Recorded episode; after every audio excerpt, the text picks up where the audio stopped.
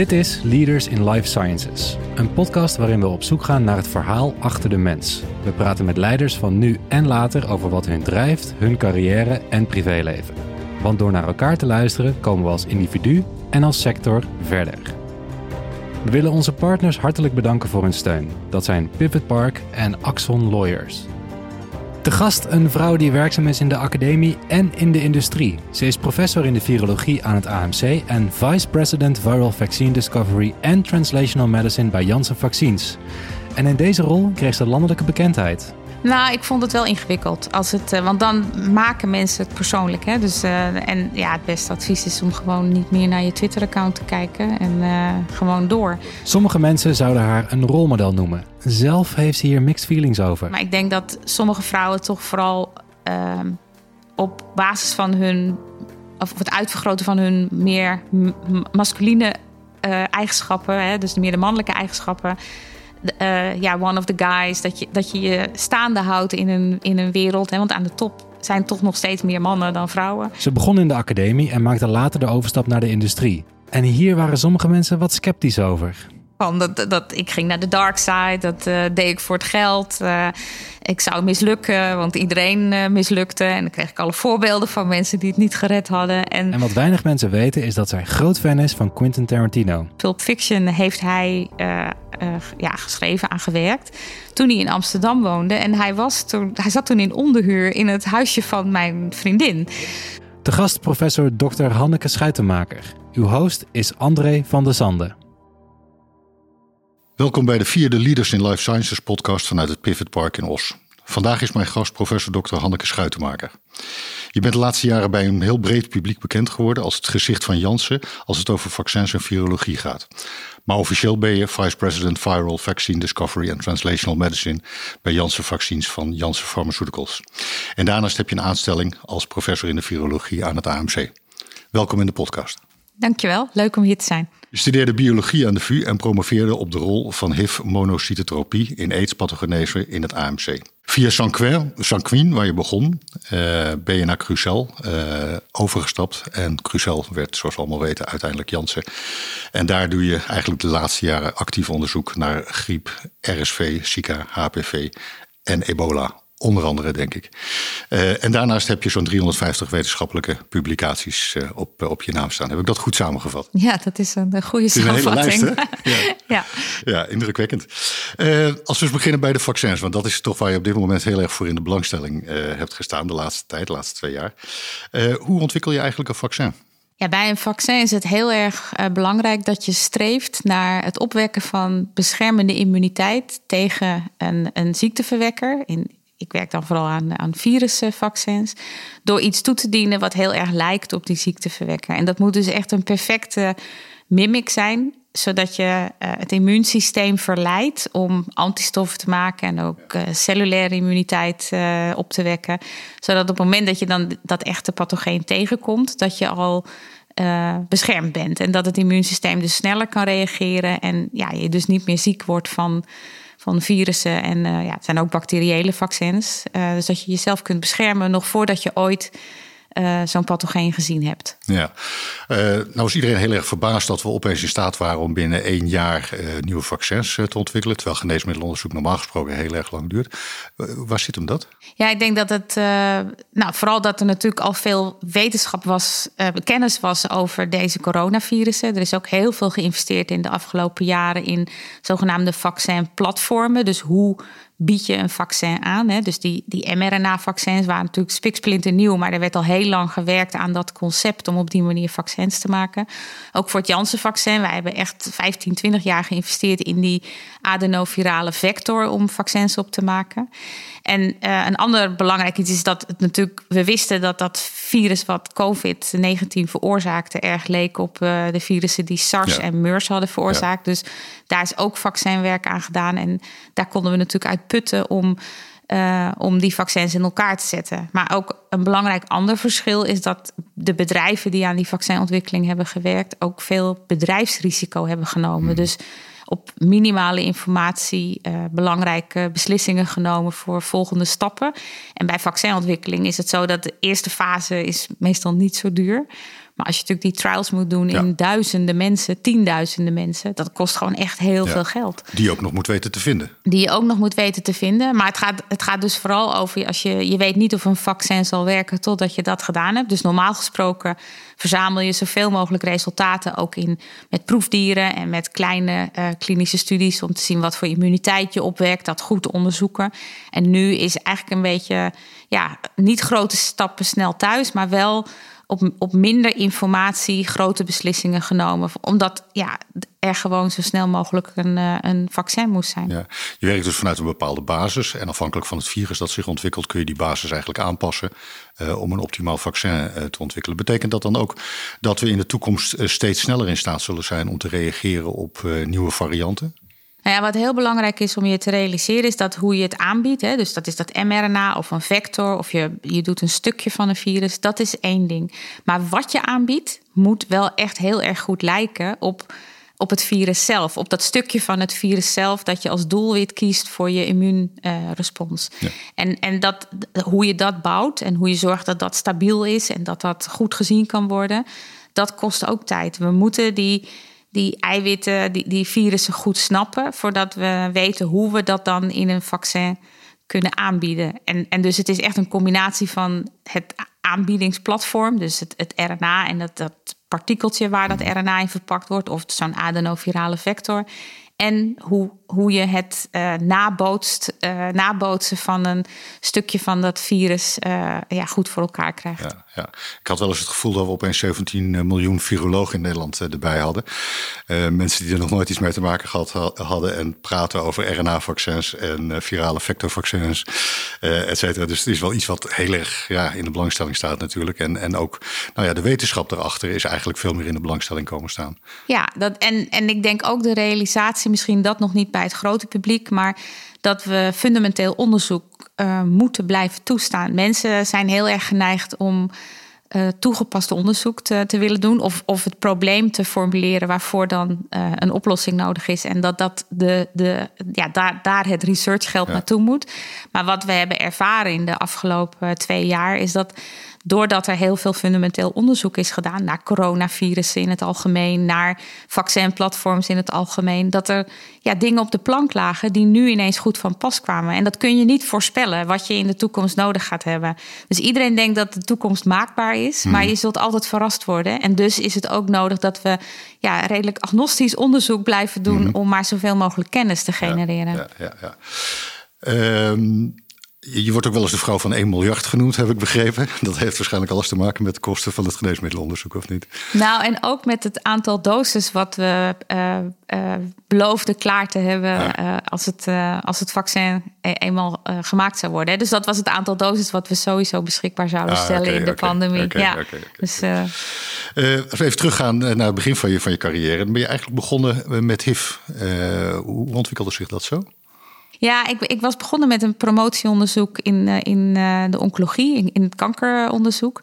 En ik, ik had heel erg het. Uh, ja, ik miste heel erg de. de ja, onmiddellijke relevantie. En dat was in de periode dat, dat AIDS ja, eigenlijk net ontdekt was, dat het veroorzaakt werd door een virus. En um, ja, ik, ik, ik miste een beetje de, de, ja, de relevantie in mijn werk en, en vond dus een, uh, ja, een, een andere positie en wilde echt aan, aan zo'n onderzoek meewerken wat ook maatschappelijke relevantie had. Dat ja, uh, trok me enorm aan, dus dat is goed gekomen. Ja, je houdt je wel altijd bezig inderdaad met onderwerpen die heel erg in de belangstelling staan. Hè? Ja, dat vind ik leuk. Um, ook omdat ik het leuk vind om uh, ja, de, de communicatiestukje te doen, de uitleg. En uh, ja, dat, dat, is een, dat komt dan mooi samen. Ja, oké. Okay. Ehm, Waar ook aandacht voor is in, in jouw werk bij Janssen is uh, translational medicine. Uh, kun je voor de lekers uitleggen wat dat inhoudt? Ja, dus wat we daaronder verstaan is dat we de, de vertaalslag maken van werk in het lab of in een proefdier naar uh, wat doet het in de mens. En dat is dus, dus translation. Hè? Dat is echt de vertaling van hoe we, uh, ja, hoe we dan gaan kijken of het zich net zo gedraagt in mensen. En dan begin je dus met een kleine fase 1 studie. Mensen denken altijd dat het fase 1, fase 2, fase 3 ja. en dan ben je er. Maar je doet heel vaak meer fase 1 studies om te kijken uh, of wordt het goed verdragen, geeft het een goede immuunreactie. En dan kan je met materiaal van die deelnemers. Dus je neemt dan weer bloed af om te kijken wat voor antistoffen hebben ze gemaakt, wat voor cellulaire immuniteit en werkt dat goed tegen het, het, uh, het virus wat we willen uh, bestrijden. Mhm. Dus, dus dat is echt de, ja, die vertaalslag naar mensen. Ja, dus je ziet dat ook in elkaars verlengde liggen van het, het onderzoek wat je doet en translational medicine. Ja, absoluut. Ja. En, en voor sommige vaccins weten we dat mensen al natuurlijke immuniteit hebben. En dan is het eigenlijk ja, als je dan in een dier gaat kijken wat zo'n pathogeen nog nooit gezien hebt, dan krijg je natuurlijk een andere respons op je vaccin dan wanneer je in mensen kijkt. Dus voor sommige vaccins is het echt noodzakelijk om zo snel mogelijk in mensen te gaan kijken van wat doet het daar. Oké. Okay. Uh, eh, we hadden het net al over Sanquin, waar je begonnen was. Je hebt op een gegeven moment de overstap gemaakt uh, naar, uh, naar Crucel. en je was amper binnen bij Crucel. En twee weken later werd het overgenomen door, door Jansen. Een soort cultuurshock geweest, denk ik, of niet? Nou, de, de grootste cultuurshock was eigenlijk uh, Crucel. Want ik, ja, dat was een biotech. En ja. uh, biotechs hebben natuurlijk nooit uh, het vermogen om een, een, product volledig naar de markt te brengen. Want dat is gewoon te kostbaar. Dus voor zo'n, voor zo'n bedrijf is een exit, dus een, een, een overname of Um, of ja, het, het, licenseren van een programma, hè, dat is eigenlijk het doel. En ja, misschien was ik wat naïef. Ik vond dat hun portfolio er echt goed uitzag. Ik was echt toe aan meer translationeel onderzoek. En uh, ja, toch weer die, die zoektocht naar relevantie. Hè, van wat, uh, wat doe ik en, en hoeveel zin uh, heeft dat. Mm. Um, dus toen, wij werden, ja, toen die, toen die uh, aankondiging kwam van die overname, was ik eigenlijk wel heel blij. Want ik had precies die twee weken nodig gehad om het te realiseren dat wat ik wilde niet per se kon bij ja. een biotech. En uh, ja, dus, dus die overname was voor mij muziek in de oren. Maar, ja. Dus ik heb nooit echt de cultuur van de biotech helemaal beleefd. Nee, oké. Maar de, ja, de, de cultuur van Big Pharma, ook al zeggen mensen het is door stroop lopen en ja, uh, beslissingen ja. duren lang en zo, is het ja, is de slagkracht die we hebben doordat we die financiële buffer hebben en dingen kunnen is wel heel, uh, ja, heel belangrijk voor wat ik hoopte te realiseren. Ja, want ik kan me herinneren dat er destijds een eh, boekje uitkwam met de naam De Rebellen van Crucel. Uh, waarschijnlijk heel herkenbaar voor jou dan als je dit zo beschrijft, of niet? Ja, en het had natuurlijk ook wel iets. Te, ja, en weet je, je kan, ook. Ja, ja tuurlijk. En je kan, je kan er van alles over zeggen. En, uh, maar uiteindelijk hebben zij wel uh, iets neergezet wat aantrekkelijk was om, om te kopen. En ook al heeft het nog heel veel. Uh, het, we hebben echt keihard moeten werken om ook die belofte die Crucel had, ook daar dat te leveren. Het is niet zo dat wat er toen gekocht is, dat dat klaar voor gebruik was, zal maar zeggen. Maar de basis lag er wel. En, en wat voor mij eigenlijk nog de, de, ja, de grootste positieve verrassing was toen ik de overstap maakte van de academie naar naar Crucel dan, naar een biotech. Ja. Dat er zo ontzettend uh, hoogkwalitatief opgeleide mensen zaten. Ja, die, ja, Dat, en, en ook dat er hoe de, hoe de proeven gedaan werden, hoe, hoe het onderzoek gedaan werd, dat dat toch echt wel een, eh, een stapje omhoog is ten opzichte van de hoe, academie. Hoe werd er gereageerd eh, vanuit de academie op zo'n overstap? Ja, dat, dat was natuurlijk, uh, daar lusten de honden geen eten van. Dat, dat, ik ging naar de dark side, dat uh, deed ik voor het geld. Uh, ik zou mislukken, want iedereen mislukte. En dan kreeg ik alle voorbeelden van mensen die het niet gered hadden. Ja. En ja, weet ik veel. Het, het, het was gewoon voor mij een soort uh, van ja, als ik het niet doe, dan weet ik waarschijnlijk wat, hoe de komende 25 jaar eruit ja. gaan zien. En ik was wel toe aan, aan iets anders. Ja. Uh, en nou ja, toen dacht ik, ja, ja, als ik het. Als ik het doe, dan heb ik het in ieder geval geprobeerd. En uh, ja, dat, het, en het is, het is wel een uitdaging om ergens als leider binnen te komen. Hè? Dat je dan ineens boven een team staat, wat, wat natuurlijk veel meer van alles afweet uh, dan jijzelf. Dus het was ook een mooie, ja, totale omslag van uh, de kennisdrager zijn in zo'n groep, omdat mm. je al de langst meelopende bent. En er komen natuurlijk elke keer nieuwe promovendi en nieuwe postdocs.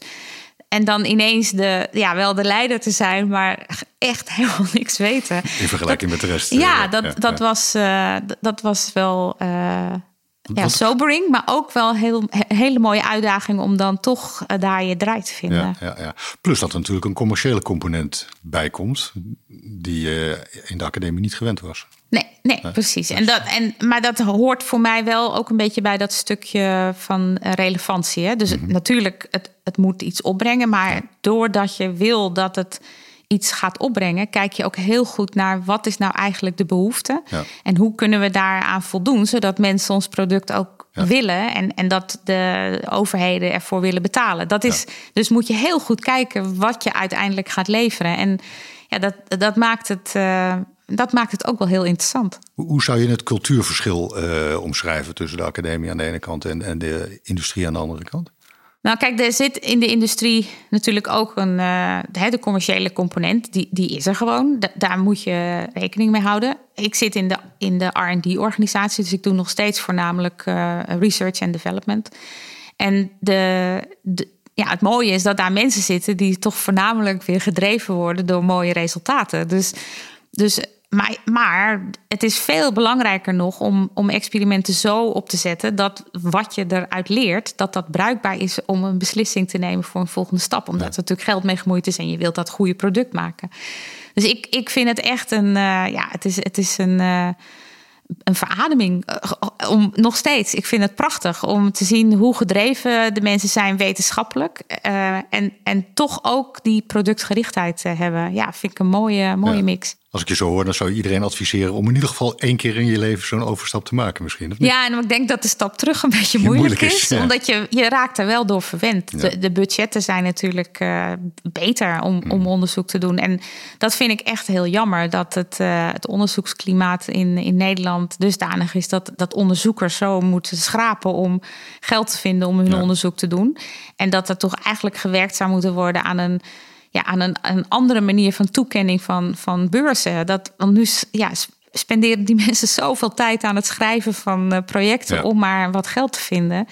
En uh, ja, vind ik jammer. Want, want er zitten zulke slimme mensen bij. En, en wat ik in het begin al zei, juist ook dat fundamentele onderzoek hmm. is zo belangrijk om, om die, die ja, eigenlijk voortdurend het kennisniveau verder op te tillen. Zodat we steeds betere oplossingen kunnen aanbieden. Want, want met fundamenteel onderzoek vind je bij toeval dingen die later uh, de oplossing blijken te zijn voor een probleem. En, en als we dat niet meer genoeg doen, dan draaien we uiteindelijk vast, is mijn uh, overtuiging. Ja, waar komt dan toch die kloof vandaan in Nederland? Want als je dat vergelijkt met het buitenland, en zeker met Amerika bijvoorbeeld, dan wordt daar juist veel nauwer samengewerkt tussen de industrie en de academie. Wat, wat, wat, is dan, wat doen we dan anders in Nederland? Ja, ik denk dat er in Nederland weinig. Uh, ik denk dat onbekend maakt onbemind. En dat uh, we hebben natuurlijk niet. Met, ja, nu Jans is nu uh, hè, wat, wat groter ook qua research en development in, in Nederland. Dus ik word ook wel veel benaderd voor grote grants, waar, waar ze dan private partners voor nodig hebben. Maar het is, het is echt een beetje onbekend.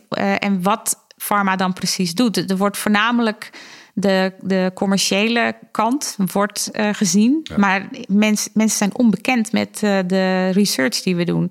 En, en ja, als je dan ook deelneemt aan grote consortia, dat is, ben je eigenlijk meer de, het excuus. En gaat iedereen daarna weer verder met zijn hobby? Uh, of ja, dat, dat bedoel ik niet denigrerend, hè, maar echt met zijn research onderwerp, waar, waar de primaire interesse zit. En ja, dat wordt mijns inziens veroorzaakt doordat er gewoon geen andere manieren zijn om aan onderzoeksgeld te komen. Dus mensen draaien uiteindelijk alles wat ze op welke manier dan ook maar die funding kunnen krijgen hmm. om, ja, om aan, hun, aan hun onderzoek te werken. Pleit jij ervoor dat de funding substantieel anders gaat worden in Nederland?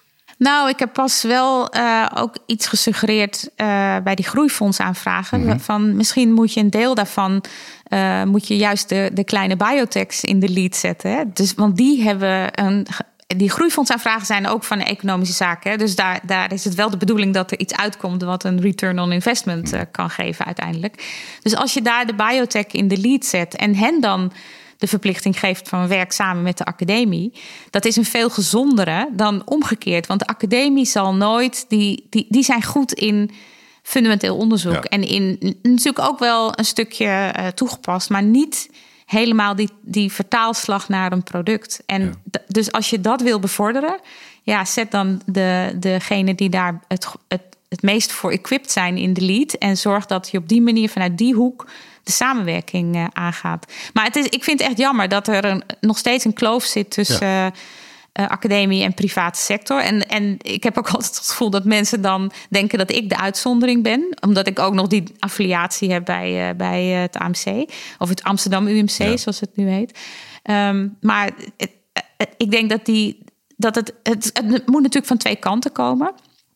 Maar ik denk wederzijds uh, wat meer verdiepen in uh, de, de expertise van de ander. En ja, toch zoeken naar, uh, naar, naar, waar je die ja, waar je die samenwerking kan vinden. En ook niet zo bang zijn voor pharma. Want mensen denken dat, het, ja, dat wij er vandoor gaan met hun ideeën en met, uh, met hun patenten. En dat, dat is natuurlijk niet zo, want dat wordt allemaal netjes geregeld. En uh, daar heeft een bedrijf helemaal niks aan. Om, om, dat, is, dat is gewoon zijn cowboyverhalen. Ja, ja, precies. Dat uh, heb ik me altijd over verbaasd, inderdaad. Maar het is ook wel een beetje hokjesdenken waar we in Nederland wel eens last van hebben, denk ik. Hè? Ook onder universitaire centra zien we het, onder science parken zien we het. En eigenlijk zouden we veel meer met elkaar die verbinding moeten gaan opzoeken om tot een beter eh, resultaat eh, te komen. Ja, denk ik. absoluut. Ja. Ja, oké. Eh, even terug naar COVID en alles wat zich daaromheen afgespeeld heeft. Je, je, werkt dan heel intensief aan, aan de ontwikkeling van, van nieuwe vaccins. En dan uiteindelijk komt het er en dan zegt de minister: Oké, nou kunnen we dansen met Jansen. Hoe voelt dat dan? Denk je dan, oh, kromme tenen, want zo willen we het niet neerzetten? Of nou, ik, ik moet eerlijk zeggen dat mijn interpretatie toen van de, die leus was. Uh, ik, en dat heb ik altijd gezegd. Laten we zorgen dat zoveel mogelijk mensen zo snel mogelijk gevaccineerd worden. En als dit hielp. Als dit een manier ik, is. Ik heb het niet uitgelegd als je haalt een prik en je kan s'avonds het nachtleven in. Dat is natuurlijk wat andere mensen. Maar dat is natuurlijk omdat ik weet dat dat niet kan. heb ik dat nooit bedacht dat het zo geïnterpreteerd zou worden. Ik denk ook niet dat uh, de, de minister De Jonge toen de tijd slechte intenties had. ik, ik, vind het, uh, ik vind het zo jammer in Nederland dat altijd alles zo zuur wordt geïnterpreteerd. Die man dacht dat hij iets leuks had bedacht. Ja, En wordt dan weer afge. Ja, we leggen dingen graag onder het vergrootglas. Hè? Dat is wel een typisch Nederlands uh, trekje, inderdaad. We hebben graag commentaar op elkaar. Dus inderdaad heel jammer. als je dan toch even vooruitblikt, hè, hoe zouden we een volgende golf anders moeten managen? Of wat, wat zijn dan de lessons learned eigenlijk als we, als we terugblikken nu? En dan bedoel ik dus niet publicitair, maar inhoudelijk. Ja, ik, ik, nou ja, er is binnenkort een, uh, een uh, meeting van de FDA, dus de, de Amerikaanse ja. geneesmiddelenwaakhond, waar uh, gediscussieerd gaat worden over hoe de vaccins eruit moeten zien voor volgende golven van, van, het, van COVID. Um, en wat ik hoop dat mensen zich realiseren, is dat die vaccins echt wel iets gedaan hebben. Hè? Dus wat je nu hoort is, uh, goh ja, Omicron en ik, ik kreeg het even goed. Of ik heb het nu al twee keer gehad. Of ik voelde me beroerd. Maar mensen moeten zich realiseren dat het doel, de ziekenhuizen ontlasten en hmm. zorgen dat niet mensen, uh, dat er oversterfte beperkt is, dat is natuurlijk wel bereikt. En ook zelfs met, een, met Omicron, waarvan dan gezegd werd, ja, die is misschien wat milder in landen waar de vaccinatiegraad niet op peil was, of waar, waar niet zo goed werkende vaccins zijn gebruikt, zie je dat de impact van Omicron veel groter, veel groter was. Is, ja, ja. Dus dat is altijd een beetje het nadeel van vaccins, dat ze zo slecht reclame maken voor zichzelf, omdat als het verdwijnt, denken mensen het hoeft niet meer. Terwijl juist die vaccins zorgen ervoor dat het is verdwenen. Ja. Dus wat, dus wat zouden we dan anders moeten doen eh, naar de nou, toekomst toe? Ja, ik, ik denk dat mensen. Uh, ik snap dat mensen niet iedere vier maanden een booster willen halen. Dus ik denk dat er gekeken moet worden naar hoe kun je met de huidige vaccins, door ze te combineren of, of wat dan ook, te, hoe je dan een betere uh, duur van bescherming kunt bewerkstelligen. En misschien ook, ja, wat, wat ik zelf bijvoorbeeld heb gedaan, is uh, mijn, mijn tweede booster uh, ja, heb ik gewoon maar even uitgesteld. Want ik dacht, nou ja, ik, ik wacht liever even tot, tot er weer iets gebeurt. Dat ik dan kan profiteren van die betere bescherming. Ja, en, en ik hoop, want ik zie, ik zie nu ook dat mensen eigenlijk wel weer denken: het is allemaal achter de rug. Hè? Dus er wordt weer geknuffeld en gekust. en uh, ja, ik, ik zou daar toch nog wat terughoudend mee zijn. want jij schudt geen handen, heb ik net gemerkt. Nee, nee, ik schud uh, soms. Uh, nou ja, het, het grappige is dat ik, ik hoorde gisteren op de radio dat de, de, uh, de gastheer, gastvrouw bepaalt wat er gebeurt. Maar oh. ik merk zelf dat ik, als ik het duidelijk maak dat eigenlijk niemand een probleem heeft nee. om een box of een elbow nee. of wat dan ook te doen. Dus ja, ik probeer dat nog wel even vol te houden. Dus jouw advies is dat we toch allemaal nog even voorzichtig moeten blijven? Ja. Ja. ja. ja, ja Oké, als we even de overstap maken naar, je, naar jouw privéachtergrond, waar je vandaan komt. Je hebt me verteld dat je, dat je in Velsen opgegroeid uh, bent. Uh, beschrijf die achtergrond eens, het, het milieu, waar, waar kom je vandaan? Ja, ik, ik ben, uh, zoals, zoals ik dat zelf altijd noemde, een kind van de hoogovens. Dus ik, ik, ik, woonde met mijn ouders en zus in een klein uh, flat, noemden we toen nog. Misschien dat je het nu appartement, zou noemen, maar het was gewoon een flat. Uh, een portiekflat uh, onder de rook van hoogovens, waar mijn vader werkte als elektricien. En mijn moeder werkte, dat was dus eigenlijk voor toen al vrij vooruitstrevend. dat zij gewoon dat een, een, een, baan had. Ja, En werkte voor een technisch tekenbureau, wat voornamelijk werk van hoogovens deed. Dus, dus wij waren echt wel een hoogovergezin. Um, maar door de slechte lucht, denk ik, was ik vooral uh, heel vaak ja, meer ziek dan uh, gezond. Dus uh, ja, toch altijd wel twee weken op, twee weken af. En om wat gezondere lucht te zoeken, zijn we uiteindelijk verhuisd naar Heer Hugo Waard. Oh, ja. iets hogerop in ja. Noord-Holland. Maar toen in ieder geval nog, dat was nog echt een dorp. Ja, en, dat is inmiddels wel veranderd, hè? Maar, ja. Dat, is, ja, dat groeit langzaam tegen Alkmaar aan en, en, en andere steden. Maar toen was het nog een dorp. En ja, daar, daar ligt dus eigenlijk mijn meest actieve jeugdherinnering. Oké. Okay. En, en had je broers, zussen? Ja, ik had één oudere zus. Okay. die ja, dat, ja dat, dat was gewoon een beetje een standaard gezin toen de tijd, denk ik. Ja, ja. ja, oké. Welke invloed heeft jouw achtergrond op jouw verdere carrière gehad? Heb je daar iets echt uit meegenomen? Of? Nou, kijk, ik, ik, wat ik wel altijd meekreeg van, uh, van mijn moeder, van die, die toch, uh, ja, dat was voor een vrouw in die tijd natuurlijk lastiger om carrière te maken. Dus zij moedigde wel aan dat we onze kansen zouden grijpen. En mijn vader had uh, wel altijd de. Ja, dat waren allebei mensen die net voor de oorlog geboren waren. Dus die hadden echt wel dat, dat oorlogstrauma. Van uh, ja, dat niet alles mogelijk is. En dat hun kinderen het dan nog wel waar wel, moesten precies, maken ja, later. Dus ik, ik weet ook wel dat ik op een gegeven moment in, nou ja, met een coach in de weer was. En die zei van waarom werk je zo hard? En dat ik dat ik eruit vloepte ja, voor mijn vader. Dus er zit echt wel een stukje in ja. van goed maken wat zij niet hebben kunnen doen. En ja, die, die drive, uh, ja, dat kun je dus benutten. Natuurlijk heeft, heeft dat ook hele ongezonde achtergronden. We hebben allemaal psychologie en zo. Maar ja, ik probeer er toch altijd maar de, de, het positieve van te zien. Ja, want wat, wat is nou jouw grootste drijfveer dan om al datgene te doen wat je nu doet? Wat... Ja, ik vind het vooral. Ik, ik ben ontzettend nieuwsgierig. Dat is denk ik wat alle onderzoekers zijn. Dus, dus zelfs als er een dreigend uh, bericht in de krant staat van een mysterieus virus, dan gaan mensen doen de ramen dicht en wij denken: oh, van, uh, interessant. Wat is er aan de hand? ja.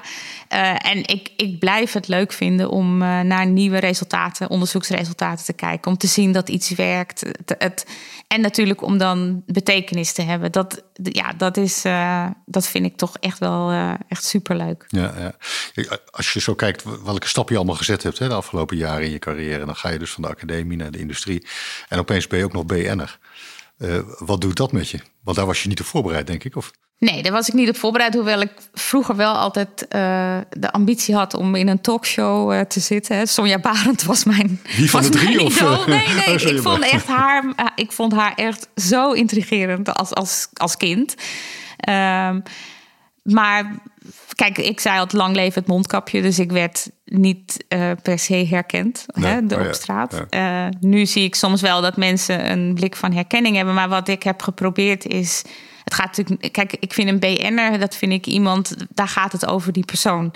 En wat ik bij jou gaat het over de inhoud, wil je Precies, zeggen. Precies, ik, ik vertegenwoordig iets, maar het gaat natuurlijk niet over mij als, als mens. Het gaat over mijn, de boodschap die ik, uh, ja. die ik probeer te brengen. En om mensen ja, echt uit te leggen wat we aan het doen waren. Ja. Dat vond ik wel heel belangrijk. Toch, toch krijg je dat stukje er toch al min of meer gratis bij natuurlijk. Hè? Dat hebben we ook met Gommers gezien, hebben we ook met Ernst Kuipers gezien. Eh, uiteindelijk gaat het toch niet alleen over de inhoud, maar gaat het ook vaak over de persoon. Ja, maar dat, dat, ik vind er wel een verschil in. Uh, kijk, Gommers werd natuurlijk een beetje de knuffelbeer van, uh, van de intensive care. Hè? Dus ja. die vertegenwoordigde iets, maar werd, werd ook echt wel het boegbeeld. En bracht op een gegeven moment wel ook uh, de, de verhalen van thuis. Van hoe zijn kinderen er keken en hoe zijn vrouw er tegenaan keek en zo. Dat heb ik echt allemaal niet gedaan. Nee. Het, het, ik, ik probeer wel een grens te trekken met uh, wat ik in ieder geval in, in grote media uh, deel. En, en uh, ja, dat het, het gaat niet over mij. Ik vertegenwoordig een stuk werk. Ik vertegenwoordig een team, een organisatie. En, en, en dat, dat is voor mij het belangrijkste. Ja, nou, als je op tv komt en je legt uit wat, hoe belangrijk vaccins zijn, dan trek je daar niet alleen maar positieve aandacht mee. hebben we gemerkt in Nederland. Er zijn ook mensen die heel veel daarop tegen zijn en daar ook vrij ver in gaan. Is dat iets waar je last van hebt gehad? Of niet? Nou, ik vond het wel ingewikkeld. Als het, uh, want dan maken mensen het persoonlijk. Hè? Dus, ja. Uh, en ja, het beste advies is om gewoon niet meer naar je Twitter-account te kijken. Nee. En uh, gewoon door. Door te gaan. Ja. ja. Ja, ja oké.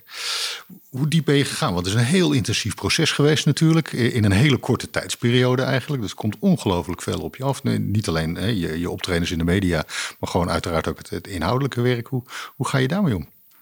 Ja, nou ja, de, eigenlijk een beetje op dezelfde manier. Door, door het vooral niet persoonlijk te maken. Dus, en ik heb ook echt het gevoel dat, uh, dat we er alles aan gedaan hebben. De, de, en geen steken hebben laten vallen. Dat, dat maakt het dan ook draaglijk. Maar het, het was echt wel hard werken. Ja. En uh, natuurlijk realiseer je... Mensen zeiden, je moet een dagboek bijhouden... want dit is een unieke tijd. Maar daar heb je helemaal geen energie voor. Je bent nee. zo hard aan het werk. En ja, het, je denkt dan van, ah, dit onthoud ik wel. Maar het, het, nu ik terugkijk, is het, is het wel een beetje een blur van ja, twee jaar keihard werken. Ja. Um, maar goed, wel, wel mooi om meegemaakt te hebben. Waarschijnlijk een tijd die voorbij gevlogen is, waarvan je opeens denkt van hé, hey, we zijn twee jaar verder. Op nou ja, als mensen vertellen over de lockdown, natuurlijk wist ik wel dat dat was. Maar ja, anders dan uh, met de hond uh, kwam ik ook niet heel veel buiten of ja. zo. Dus het, het uh, nee, dat is een beetje aan me voorbij gegaan.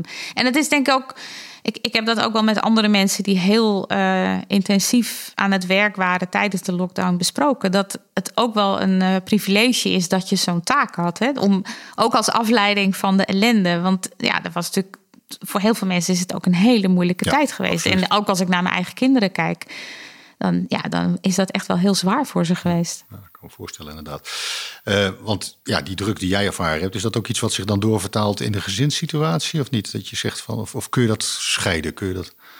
Nou, ik, ik, denk dat mijn zoons. Ze dat wel gemerkt hebben, neem ik aan. Of niet? Ja, ja, natuurlijk wel. Maar ook hebben ze wel ook hun steentje bijgedragen. Dus het, het, uh, het ja, dat, dat is wel uh, opgevangen. En uh, ik, ik, denk niet dat ze er meer last van hadden dan andere jongeren die uh, uh, online hun lessen moesten volgen en uh, hun studentenleven in puin zagen vallen. Dus nee, dat, dat, ik denk dat dat veel harder is aangekomen dan dat mama zo hard aan het werk was. Ja, okay. ja.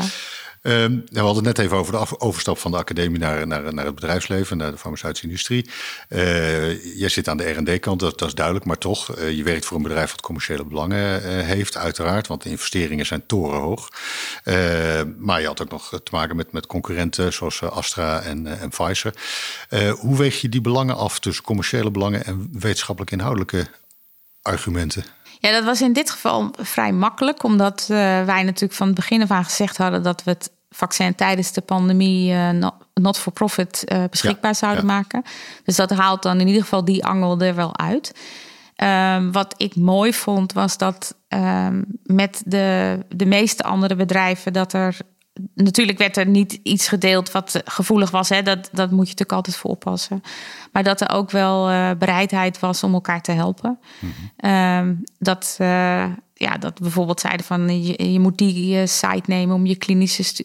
Neem die op in je klinische studie, want daar is veel bereidheid om deel te nemen en zo. Dus dat, dat was mooi. Er, er waren ook de, de mogelijke problemen die we zouden kunnen tegenkomen, werden ook wel met elkaar besproken. In, geleid dan door een consortium ja. van de Amerikaanse overheid. Maar die bracht wel de, de, de farmaceutische bedrijven bij elkaar en wetenschappers op die manier de kennis, om op die manier de kennis te delen. Ja, Oké, okay, um, nou goed, dan heb je er lang aan gewerkt. Uh, er ontstond voor mijn gevoel in Nederland ook wel iets van een stukje euforie, een beetje trots ook. Hè? Want we vonden Janssen toch ook wel Nederlands en het kwam allemaal uit Leiden. En je had maar één prik nodig. En dat was natuurlijk toch, vond iedereen toch wel een heel belangrijk voordeel ten opzichte van de anderen. Uh, en dan komt opeens dat advies van de Gezondheidsraad. Wat gebeurde er toen? Ja, dat is, dat is echt heel mixed. Want uh, natuurlijk snappen, snapten wij dat advies. Dat ja. is het punt niet. Ja. Maar wat altijd blijft gelden is dat je kijkt naar het totale uh, voordeel wat een vaccin kan geven. En dat voordeel is natuurlijk het voorkomen van de risico's die, die gepaard gaan met COVID. En het risico op de bijwerking. Dat is hè, wat je benefit-risk uh, analysis noemt. En dat verschilt gewoon in verschillende delen van de wereld. Waar natuurlijk alternatieve vaccins beschikbaar zijn, daar is die, die optelsom makkelijk gemaakt. Dan zeg je, ja, ja gebruik die vaccins die in ieder geval veiliger lijken dan het Janssen-vaccin. Maar er zijn ook plaatsen op de wereld waar helemaal geen vaccin is. En dan is het risico dat je COVID krijgt en daaraan overlijdt veel groter dan dat je de bijwerking, eh, krijgt. dus, dus die, en die nuance, die, die, was af en toe zoek. Er, er was, hè, dus net als dat er grote euforie kan zijn, kan er ook een grote hetze ontstaan.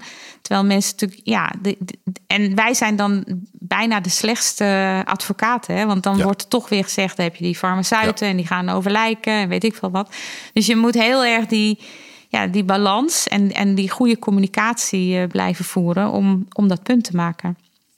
Ja, de naam Janssen is al een paar keer gevallen natuurlijk. De meeste mensen kennen Janssen inmiddels ook uh, vanwege de, de vaccins en uh, waarschijnlijk van een heleboel andere geneesmiddelen. Uh, wereldwijd een van de grootste farmaceuten. Ik denk dat je ruim boven de 100.000 medewerkers hebt, wereldwijd waarschijnlijk. ook in Nederland een, een hele duidelijke aanwezigheid op een aantal locaties. Wat, waarin onderscheidt Janssen zich ten opzichte van de andere farmaceuten? Zie je daar een verschil? Of? Nou, wat, wat ik heel erg mooi vind bij Jansen is dat we, dat we een credo hebben. En uh, in dat credo eh, staat van we zorgen goed voor onze uh, klanten en patiënten. We zorgen goed voor onze medewerkers. We zorgen goed voor, onze, voor het milieu waarin we, hè, voor onze omgeving. En we zorgen goed voor de shareholders. En in die volgorde worden ook moeilijke beslissingen genomen. En dat, ja, toen ik het de eerste keer zag, wij zijn natuurlijk Hollanders, denk je, je lijkt wel een secte. Hè? Dat is, ja, dan denk je, dat is toch allemaal vanzelfsprekend. Maar toch, toch uh, kun je het ook gebruiken in als je, als je iets wil bepleiten. Van laten we even weer, hè, waarvoor, waarvoor doen we het? En, en dat helpt wel. Dus dat maakt het wel een mooi bedrijf. En ik, ik weet ook dat sommige mensen echt bewust kiezen om bij Jansen te gaan werken vanwege ja, dat, dat uh, onderliggende credo. Nou heb ik niet bij andere bedrijven gewerkt, dus die zullen ongetwijfeld ook zoiets hebben. Maar ik weet wel dat het iets is wat ons bindt. En ook bijvoorbeeld dat we ook echt wel uh, geoormerkt investeren in laag- en middel-income countries. Hè? Dus de, ja, wat we vroeger de ontwikkelingslanden noemden. Om te zorgen dat onze producten ook daar komen. En ook te kijken naar zijn daar uh, noden die, uh, die wij niet hebben en waar we dus niet per se aan zouden werken, omdat het dan commercieel minder interessant is. Maar kunnen we daar toch wel iets aan doen? En, en ja, dat spreekt mij wel enorm aan. Ja, die kant van de farmaceutische industrie blijft toch vaak heel erg onderbelicht. Hè? Ja, het is ook niet iets waar. Uh, want het, daarin ook zijn, wij natuurlijk ook niet de enige. Maar het is niet iets waar, waar je dan zo mee te koop loopt. Maar nou, ik vind het als medewerker wel heel mooi dat we het doen. En ook hoe het gepositioneerd wordt. Want sommige mensen zeggen dan: ja, maar ik wil dat werk doen. Want dat is echt heel tastbaar dat je iets doet voor, voor de arme mensen in de wereld. En minder uh, bevoordeelde mensen. Maar de, onze CEO legt het dan heel mooi uit dat als we geen winst maken, hebben we ook geen geld om te investeren In, in dat soort global public health uh, problemen. Dus iedereen, iedereen in het bedrijf draagt daaraan bij. Ja, dat maakt het, ja, maakt het dan wel een heel mooi uh, samenhorigheid uh, momentje. Ja. Ja, er zit aan, aan, aan de, de manier waarop we omgaan met, met COVID zit denk ik ook een hele duidelijke ethische component. Hè? In de zin van welke keuzes maken we? Hoe ver gaan we bijvoorbeeld in het eh, platleggen van, van de economie om mensen te beschermen? Uh, hoeveel mag een behandeling uh, kosten? Is natuurlijk sowieso een, een, een heel ja, thema van deze tijd, duidelijk thema van deze tijd. Hoe, hoe kijk je daar tegenaan? Hoe ver moeten we gaan in het beschermen van mensen voor COVID? Of zijn we er bijvoorbeeld te ver in gegaan de laatste keer? Ja, kijk, dat is achteraf natuurlijk een, een makkelijk zeggen. Uh, ik denk dat op het moment dat het gebeurde, wist natuurlijk niemand uh, hoe ernstig het zou zijn. En, en ja, heb je de uiterste van de, de, de Spaanse grieppandemie. En uh, die dus echt heel veel impact heeft gehad. en ja, als vergelijken SARS bijvoorbeeld, wat zich snel weer uitdoofde. Mm uh, dus, maar we wisten natuurlijk niet waar we mee te maken hadden. En iedereen hoopte, denk ik, een beetje van: nou ja, het is weer een coronavirus. Dus SARS en MERS, ja, dat, dat bleef redelijk beperkt. Uh, ik heb toen zelf uh, bij een van de eerste bijeenkomsten over dit onderwerp bij de WHO. Dus dat was uh, februari 2020. Wat achteraf natuurlijk hilarisch is, dat we daar alle experts uit de wereld samenbrachten om te overleggen met z'n allen in een zaal. Dat had echt het superspreader event van, de, van de eeuw kunnen worden. Maar dat, uh, daar waren ook twee mensen uit China. En toen was het eigenlijk nog vooral een, een Chinees probleem. En die twee, die, die twee mannen die straalden zoveel urgentie, angst, woede, frustratie met ons gedrag. Want wij zaten daar nog te praten over ja, hoe gaan we voorkomen dat dit nog eens gebeurt. Terwijl zij hadden zoiets van: jullie hebben geen idee wat er op je afkomt. En die, die urgentie hebben zij, denk ik, op individuen kunnen overbrengen. Op dat moment was ook de Amerikaanse overheid, die waren goed geïnformeerd over wat er zich afspeelde in, in China. En die waren ook in high alert. Dus dus ik denk dat, dat hoe het begon, mensen zijn het alweer vergeten. Maar kijk, kijk nog eens naar uh, gewoon de foto's die toen gemaakt zijn. En over de, de, de mortuaria die niet voldoende capaciteit hadden. Hè, dat mensen buiten in tenten met, met vrieselementen de, de lijken moesten goed houden. Dat was wel de realiteit. Dus, dus om als, als eerste zonder vaccins, zonder therapieën, zonder te weten hoe je moet behandelen denk ik dat de juiste beslissing is genomen. Terugkijken, denk je van, nou ja, sommige generaties hebben wel een heel groot offer moeten brengen om de meest kwetsbaren te beschermen. Te beschermen. Maar dat is achteraf, hè? En daar moeten we van leren. Ja. Ja, oké. De, de, focus uh, is nu natuurlijk heel erg op COVID. Uh, maar je werkt ook aan andere projecten bij, bij Janssen. Wat, wat gaan we de komende jaren daarvan zien? Ja, dus, dus wat, wat wij uh, als, als focusgebied uh, nu hebben, is uh, de volwassenen. Dus echt, de, de, we zien natuurlijk de vergrijzing in de, in de populatie. Niet alleen in Nederland, maar wereldwijd. En het belangrijkste is natuurlijk om, om mensen zo lang mogelijk gezond te houden. Zodat mensen zo lang mogelijk een productief leven leiden, maar ook zo lang mogelijk uitstellen dat ze zorgbehoeften creëren. En dus om mensen lang gezond te houden, ja, daar zijn vaccins bij uitstek geschikt voor. Ehm, bijvoorbeeld werken wij aan een vaccin tegen het respiratoire syncytium virus, RSV. wat mensen vooral kennen van uh, wat, dat het zoveel uh, ellende veroorzaakt in kleine babytjes. Maar dat is ook uh, naast griep een hele belangrijke ziekteverwekker in ouderen. Omdat als je ouder wordt, gaat je immuunsysteem gewoon minder goed werken. En krijgen dat soort ziektemakers de kans om veel meer schade toe te richten dan in jong, jongere volwassenen. Dus een vaccin tegen RSV, maar ook uh, andere vaccins tegen pathogenen die juist in oudere mensen toeslaan. Dat is, uh, dat is ja, toch wel iets waar wij ons op willen gaan richten. Daarnaast blijven we ons richten op een vaccin tegen HIV. We hadden een kandidaat die, die doet het niet goed genoeg. Dat was misschien niet helemaal onverwacht, maar ja, is toch wel teleurstellend. Dus we, we willen daar toch nog wel proberen om, ja, om, om met een met de lessen die we geleerd hebben van uh, onze eerste poging een, een betere uh, poging te doen. Ja, oké. Je vertelde dat je drie zonen hebt. wil je daar iets over vertellen? Treden ze in jouw voetsporen de komende jaren? Of? Nee, alle drie niet. nee, dus ja, dat zijn echt drie prachtkerels.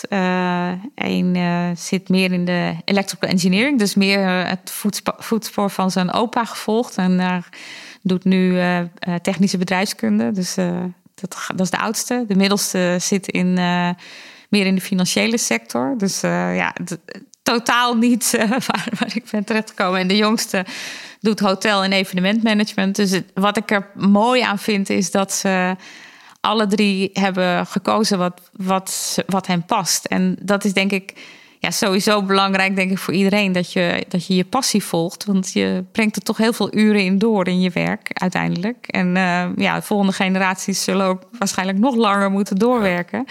Dus het is mooi om uh, als je jong bent dan die investering te doen. En uh, ja, zodat je, zodat je iets mag doen wat je het allerleukste vindt. Ja. We hadden het net over wat jij hebt meegenomen vanuit jouw ouders. Wat, wat geef jij of wat probeer je jouw kinderen mee te geven? Nou, dat ze vooral niet uh, op hun moeder moeten willen lijken. nee, en wat ik, dat vind ik ook mooi. Want ja, dat, dat, je, dat, dat ze niet het gevoel hebben dat die lat hoog ligt. Dat ze gewoon zichzelf mogen zijn. Dat, uh, en natuurlijk zullen zij ook, uh, als ze 50 zijn, uh, met een coach praten over hoe het allemaal zo gekomen is. Maar goed, dan, dat, dat is dan weer in hun leven om een stap verder te komen. Ja, ja. ja. mooi. Ehm, ja, ik kan me durf bijna niet vragen, maar heb je nog tijd voor hobby's of andere interesses? Blijf nou, ik, ik, ik ben een wandelaar, dus dat vind ik echt heerlijk. En dan echt wel de wat langere afstanden. Dat, uh, ja, dat vind ik superleuk. En uh, ik tennis. Dat uh, was ook wel tijdens de, de lockdown wel mijn, uh, ja... Je escape. Of, Inderdaad, want dat mocht ook nog. Hè? Dat, uh, en dat konden we ook buiten doen. De tennisvereniging waar ik speel, die hadden ook in de winter zelfs betonbanen open... zodat we toch nog een beetje konden spelen. Uh, en ik heb een, uh, een hond, dus is inmiddels wat oud. En dat, dat klinkt dus je mocht ook naar buiten om te wandelen. Precies, ja, ja. zelfs met avondklok uh, vroegen mensen wel of ze mijn hond mochten lenen. Maar nee, die was, die was voor mij. ik ben, ja. Leuk, leuk. Dus dat, ja, daar kan ik ook erg van genieten. Oké, en wat heb je met Tarantino? Ja, dat, dat, dat, dat vind ik echt zo geniaal. Ik, ik, ik, het is grappig, want ik hoorde gisteren uh, op de radio dat er gezegd werd dat de films ook minder gewelddadig moeten worden om die shootings te nou, voorkomen. En toen dacht ik, niet doen. Want nou ja, toen werd er ook gelukkig gezegd van die films spelen ook buiten Amerika en daar vinden die shootings niet plaats. Dus het is, een, een, het is, het is niet de oplossing voor het probleem daar.